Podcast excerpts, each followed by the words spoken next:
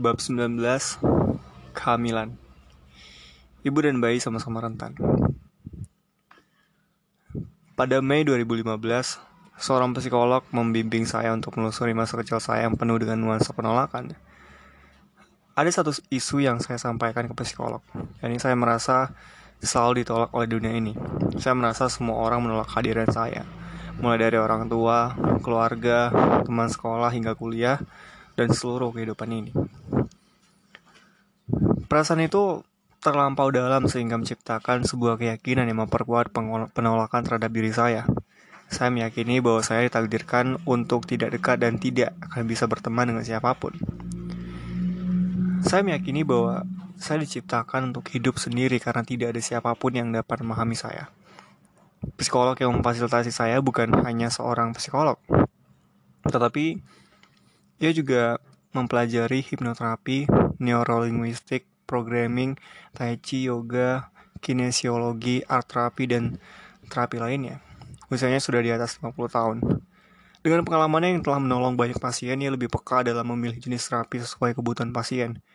Saya sungguh memilih, saya sungguh merasa sangat beruntung karena ia memberikan saya beberapa kali terapi secara gratis karena mengetahui kondisi keuangan saya yang sangat menipis dengan psikologi saya yang sangat bermasalah. Saya memanggilnya Mbak Lita. Rasanya lebih akrab dibandingkan jika saya memanggilnya dengan Bu Lita. Panggilan yang seharusnya saya gunakan. Pada suatu konsultasi, Mbak Lita meminta saya berbaring di sebuah sofa yang membantu saya untuk rileks dengan menarik dan menembuskan napas serta menegangkan seluruh otot dari kaki hingga kepala. Ia menyentuh beberapa titik di tubuh saya, belikat, wajah, tengkuk, dan kening. Setiap sentuhan rasanya membuat saya semakin rileks. Ia benar-benar mengetahui titik-titik di tubuh yang terkait dengan relaksasi. Ketika sudah merasa rileks, ia memberi saya instruksi untuk membuat untuk mengingat semua kejadian yang berkaitan dengan penolakan yang pernah saya alami dalam hidup. Pada saat itu, saya berusia 23 tahun. Maka ia membantu saya untuk mengingat pengalaman dan penolakan ketika saya berusia 22 tahun, 21 tahun, 19 tahun, dan seterusnya hingga masa kecil. Ketika kuliah, saya ingat bahwa saya tidak dipilih menjadi asisten penelitian dekan di kampus saya. Hal tersebut membuat saya merasa rendah diri karena beberapa teman dekat saya dilibatkan dalam penelitian. Sosok dekan kampus saya mirip dengan ayah saya yang dingin dan tidak pernah memuji. Dengan demikian, perasaan ditolak oleh dekan seperti ditolak dan tidak diakui oleh ayah saya sendiri. Saya juga ingat ketika saya tidak memenangkan lomba makalah ilmiah padahal semua orang mengira saya akan menang. Saya merasa mengecewakan semua orang, merasa bodoh, tidak berharga, dan tidak layak mendapat julukan mahasiswa berprestasi. Ketika SMA, saya mengingat masa-masa saya sebagai orang yang selalu jadi bahan cemoohan. Ketika menjadi ketua OSIS, teman-teman sekelas saya malah menganggap saya memalukan karena tidak bisa berolahraga. Saya juga ingat sindiran yang saya ucapkan saat yang ayah saya ucapkan saat beliau mengendarai mobil untuk mengambil rapot saya. Ayah menyindir bahwa saya tidak berguna sebagai anak laki-laki karena tidak bisa diandalkan. Bahkan hanya untuk menyetir mobil saya tidak bisa. Ketika SMP, saya mengenang masa-masa ditinggal oleh sahabat secara tiba-tiba. Sahabat saya memilih berteman dengan anak-anak yang lebih pintar dan asyik. Pada saat itu, saya menyadari bahwa saya lebih menyukai sastra, teater, dan majalah dinding. Sayangnya, hal tersebut tidak banyak disukai oleh teman-teman saya yang lain. Akhirnya saya semakin merasa terasing dari dunia. Pada waktu SD, saya membasuh rambut dengan air hujan karena beberapa teman menumpahkan cairan pengoreksi berwarna putih yang waktu itu populer dengan merek Tip X ke, ke rambut saya. Saya juga ingat perkataan kakak saya bahwa ia malu memiliki adik yang selalu cer yang terlalu ceria, pecicilan, dan feminim. Kepribadian saya sungguh bertentangan dengan citra kakak saya sebagai bintang olahraga di sekolah. Ketika berusia 7 tahun, terbersit memori di kepala saya tentang percakapan antara ibu saya dan seorang dokter. Memori tersebut menceritakan ketakjuban sang dokter terkait saya sebagai anak kelima. Sayangnya, ketakjuban itu malah direspon sebaliknya oleh ibu saya. Ini tambahan dok, jebolan KB. Dulu sudah pasang KB ketika anak keempat lahir. Eh, tahu-tahu muncul satu lagi. pada saat itu saya tidak merasakan apa pun, tapi ini ada rasa sedih yang membekas. Seakan-akan kehadiran saya tidak diharapkan. Saya kira penelusuran masa kecil saya akan berhenti sampai di usia ini, tapi Mbak Lita malah melanjutkan. Pada usia lima tahun, apa yang terjadi katanya? Memori saya melayang ketika saya masih kecil sedang berlari ke pangkuan ibu saya. Pada saat itu, ia sedang menata foto-foto keluarga di album. Ibu memperlihatkan foto saya ketika masih bayi dan mengatakan betapa jeleknya saya berkuping caplang, memiliki bibir tebal dan kulit yang hitam, bukanlah dambaan setiap orang pada saat itu. Seketika, saya mengetahui bahwa saya belajar membenci fisik saya sejak saat itu. Sebutan-sebutan negatif yang saya terima kemudian pun memperkuat kebencian saya. Mbak Linta meminta meminta saya untuk melanjutkan ke usia 4 tahun. Tapi sayangnya saya tidak bisa menemukan apa pun. Ia tidak bisa memaksa memori dan minta saya melanjutkan penelusuran memori mengenai pengalaman penolakan yang saya alami pada usia 3 tahun, 2 tahun, dan 1 tahun. Rasanya cukup aneh karena saya tidak mungkin mengingat kejadian pada usia 3 tahun ke bawah. Mbak Lita melanjutkan instruksinya. Oke Regis, lanjut ke usia 9 bulan dalam kandungan. Meskipun saya sedang terbayang dan memejamkan mata, rasanya saya ingin menunjukkan tatapan skeptis. Bagaimana mungkin hal hal itu, tidak ada teori yang saya tahu bisa membuat seorang ingat akan masa-masa ketika janin dalam kandungan. Saya tidak mungkin mengingat apa pun, Mbak, ujar saya kepada Mbak Lita. Dirasakan, Regis, bukan dipikir. Balasnya pelan. Ia menyentuh beberapa titik lain di tubuh saya, mulai dari ujung kaki, pusar, kening, tengkuk, dan pelipis. Lalu ia memandu saya semakin mundur ke usia saat masih dalam kandungan. Coba dirasakan. Apa yang terjadi pada usia 8 bulan? Ada sesuatu? Tidak ada. Jawab saya singkat. Oke. Kita mundur 7 bulan, 6 bulan, 5 bulan, 4 bulan. Seketika ada sensasi di sekujur tubuh saya, seperti perasaan ditolak, tidak diharapkan oleh dunia dan ibu saya. Saya menangis tanpa tahu mengapa saya menangis. Perasaan itu sangat aneh, seperti bayi yang sangat rapuh dan takut akan dunia. Saya mempertanyakan reaksi itu kepada Mbak Lita. Tidak apa-apa, Regis. Dirasakan saja. Tidak usah dipikir. Izinkan saja emosi itu hadir dan tarik nafas yang dalam. Biarkan emosimu berekspresi. Selama ini kan tertahan. Ujar Mbak Lita. Air mata saya menetes semakin banyak membasi pipi dan telinga saya. Kepala saya terasa panas dan mata saya seperti membengkak. Ketika perasaan itu mulai menghilang, Mbak Lita melanjutkan sesinya. Kita lanjutkan lagi, sedikit lagi. Sedikit lagi, Regis. Coba mundur ke usia 3 bulan. 2 bulan, sebulan, 0 bulan. Tidak ada apa-apa. Oke, cukup. Sampaikan terima kasih kepada dirimu sendiri. Terima kasih sudah semakin mengenal diri lagi. Terima kasih sudah semakin memahami penyebab-penyebab kesedihanmu. Kalau sudah siap, kamu boleh buka mata lagi. Pada saat itu, Rasanya saya masih ingin memejamkan mata dan mencerna memori serta perasaan yang muncul selama sesi tadi. Saya mengucapkan terima kasih pada diri saya karena bersedia menggali luka lebih dalam. Saya membersihkan satu persatu luka itu dengan memaafkan semua memori dan perasaan yang muncul. Saya menganggap luka batin itu selayaknya luka fisik yang bisa saya tutup dan sembuhkan. Setelah itu barulah saya membuka mata dengan perlahan. Bagaimana bisa tadi saya menangis saat Mbak Lita meminta saya menelusuri usia 4 bulan? Tanya saya penasaran. Tidak tahu. Aku tidak tahu. Yang tahu hanya Tuhan dan ibumu. Namun yang ku tahu, kamu sudah bisa mengenali rasa itu dan pelan-pelan berdamai dengan rasa penolakan itu karena bisa jadi itu sumbernya. Dua minggu setelah terapi, saya pulang ke kota saya dan menceritakan sesi terapi itu kepada ibu saya. Awalnya ia enggan bahasnya, tapi menjelang malam, ia mulai terbuka sedikit demi sedikit. Ia bercerita bahwa ia tidak tahu dan tidak menyangka akan hamil lagi saat saya berada dalam kandungan. Pada saat itu, keadaan finansial ayah dan ibu saya sedang tidak baik. Memiliki empat anak rasanya sudah banyak pengeluaran, apalagi ayah saya masih harus membiayai kuliah dua adiknya. Semenjak kedua adik saya menumpang di rumah, ibu saya mulai mendapat tekanan emosional.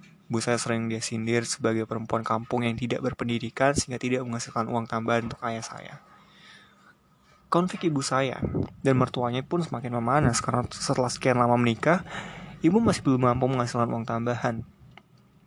Sebagai dampaknya, ibu merasa harus menjadi sosok yang berhemat besar-besaran dalam mengelola keuangan keluarga. Ketika haid tidak kunjung tiba selama dua bulan, ibu mengira itu adalah efek pil KB atau karena stres yang ia rasakan. Setelah tiga bulan, ia sudah merasakan sesuatu dalam rahimnya yang mempunyai kehidupan. Tapi ia masih menolak dengan tidak mengacukannya. Masuk ke bulan keempat barulah ibu benar-benar menyadari bahwa ada janin dalam tubuhnya. Perubahan fisik sudah tidak mungkin tolak lagi. Ia merasa tidak terima, tapi janin itu sudah ada dalam dirinya. Menghadapi kondisi ini, ia berdoa mati-matian agar keadaan finansial keluarga membaik. Ia tidak memberi pernyataan apakah ia mengharapkan kehadiran saya atau tidak. Yang saya tahu keadaannya saat itu sangatlah sulit. Mungkin semua kecemasan, kekhawatiran, dan ketakutannya secara tidak sadar terserap oleh diri saya saat masih dijanin. Semua itu menjadi sumber perasaan bahwa saya merasa ditolak oleh dunia ini. Perasaannya menjadi salah satu akar dari depresi saya.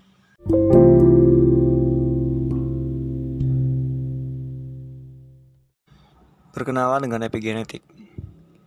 Saya menyampaikan kisah terapi itu ketika menjadi pembicara di agenda seminar mini bulanan Persatuan Pelajar Indonesia di Glasgow. Itu merupakan pertama kalinya saya membuka diri mengenai depresi saya. Saya ingin orang-orang tahu bahwa depresi adalah isu yang sangat kompleks. Salah satu akar depresi bahkan bisa berasal dari peristiwa saat kita masih dalam kandungan. Setelah menyampaikan kisah itu, seorang dokter asal Indonesia mengambil master bidang cancer science menyebutkan bahwa apa yang salah alami adalah fenomena epigenetik.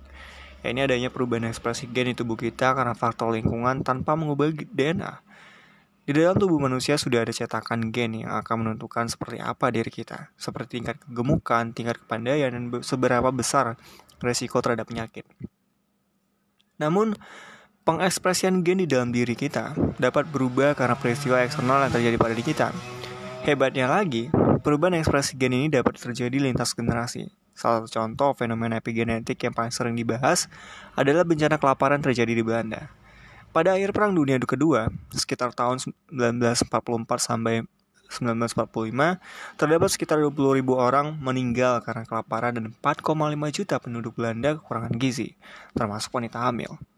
Anak-anak yang terlahir dari rahim wanita yang mengalami kelaparan itu menjadi anak-anak yang memiliki banyak sekali masalah kesehatan di masa dewasanya kematian mereka pun meningkat 10% dibandingkan saudara-saudaranya yang tidak dilahirkan pada masa kelaparan.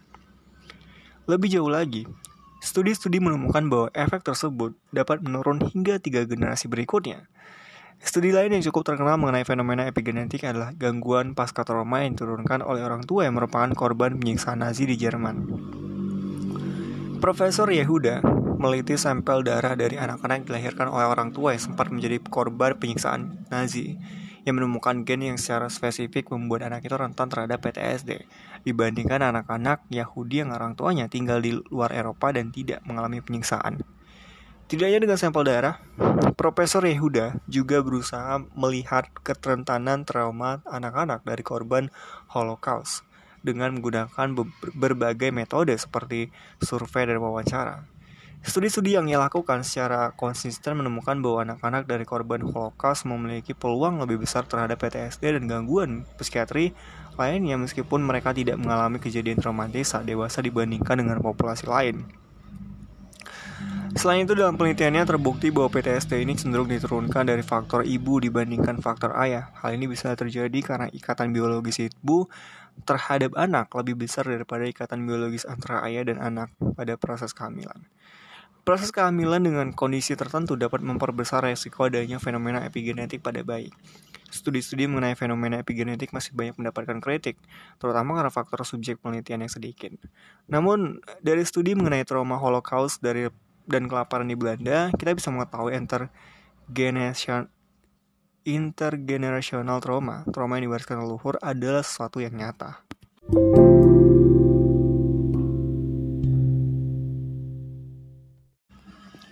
Kehamilan sebagai proses sakral.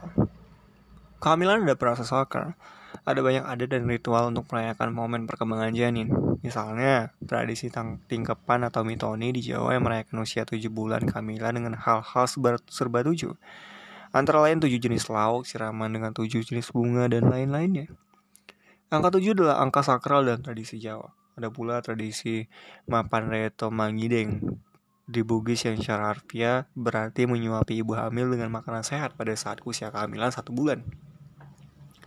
Di luar aspek ritual yang terkait dengan kepercayaan akan arwah nenek moyang dan hal tahayul lainnya, upacara kumpul adat, syukuran, selamatan, dan ritual-ritual yang mengiringi ibu hamil adalah bentuk selebrasi kehadiran manusia baru di bumi. Hal tersebut juga merupakan apresiasi terhadap sosok perempuan yang mengandung. Proses upacara dan ritual membuat ibu hamil merasa didukung, ditemani, dan diperhatikan oleh keluarga besar dan masyarakat. Mereka mendapatkan dukungan emosional dan sosial yang besar dari komunitas. Berbeda sekali dengan ibu hamil pada masa kelaparan saat perang di Belanda atau yang mengalami penyiksaan di kemah konsentrasi Nazi.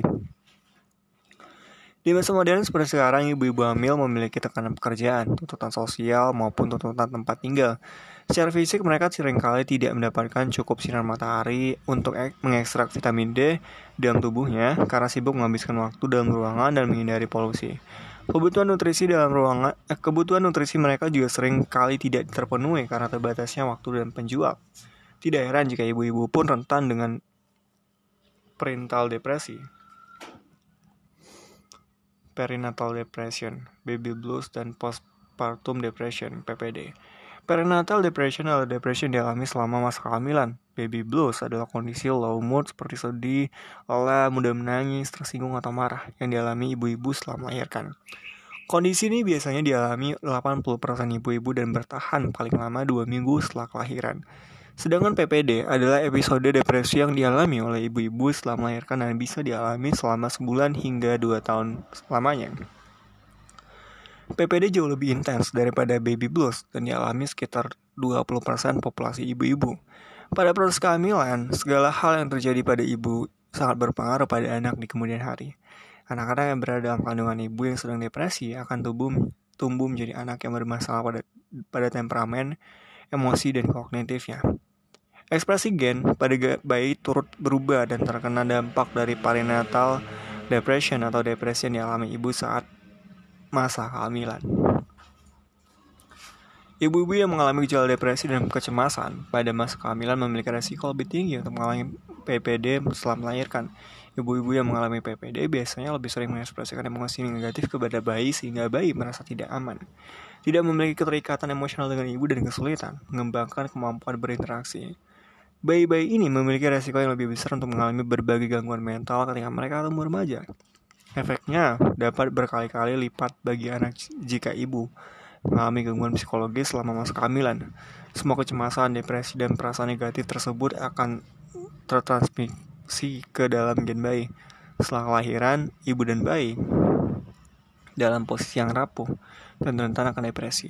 Ibu yang mengalami baby blues dan atau PPD juga meningkatkan resiko bayi turut merasakan emosi negatif dari ibunya. Oleh sebab itu, penting bagi ibu hamil dan pendamping di sekitarnya untuk menciptakan lingkungan yang dengan emosi yang positif.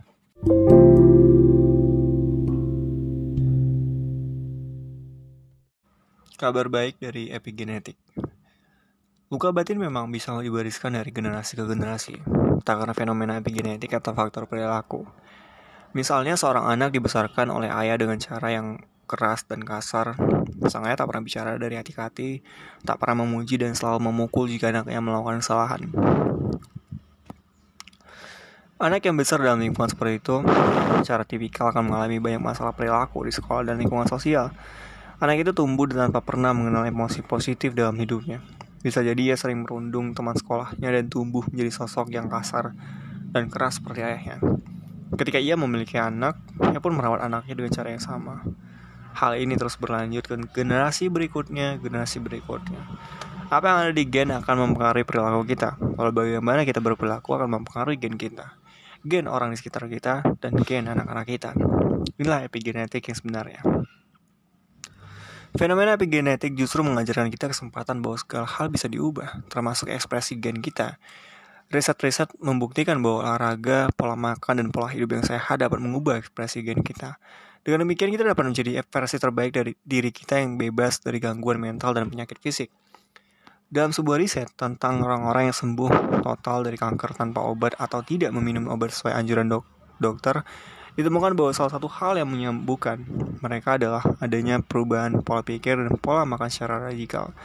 Radikal yang dimaksud adalah mengubah total pola makan dan mengubah total bagaimana cara kita memandang hidup. Apa yang masuk dalam pikiran kita, apa yang masuk dalam tubuh kita, semua berpengaruh terhadap kesehatan fisik dan mental kita.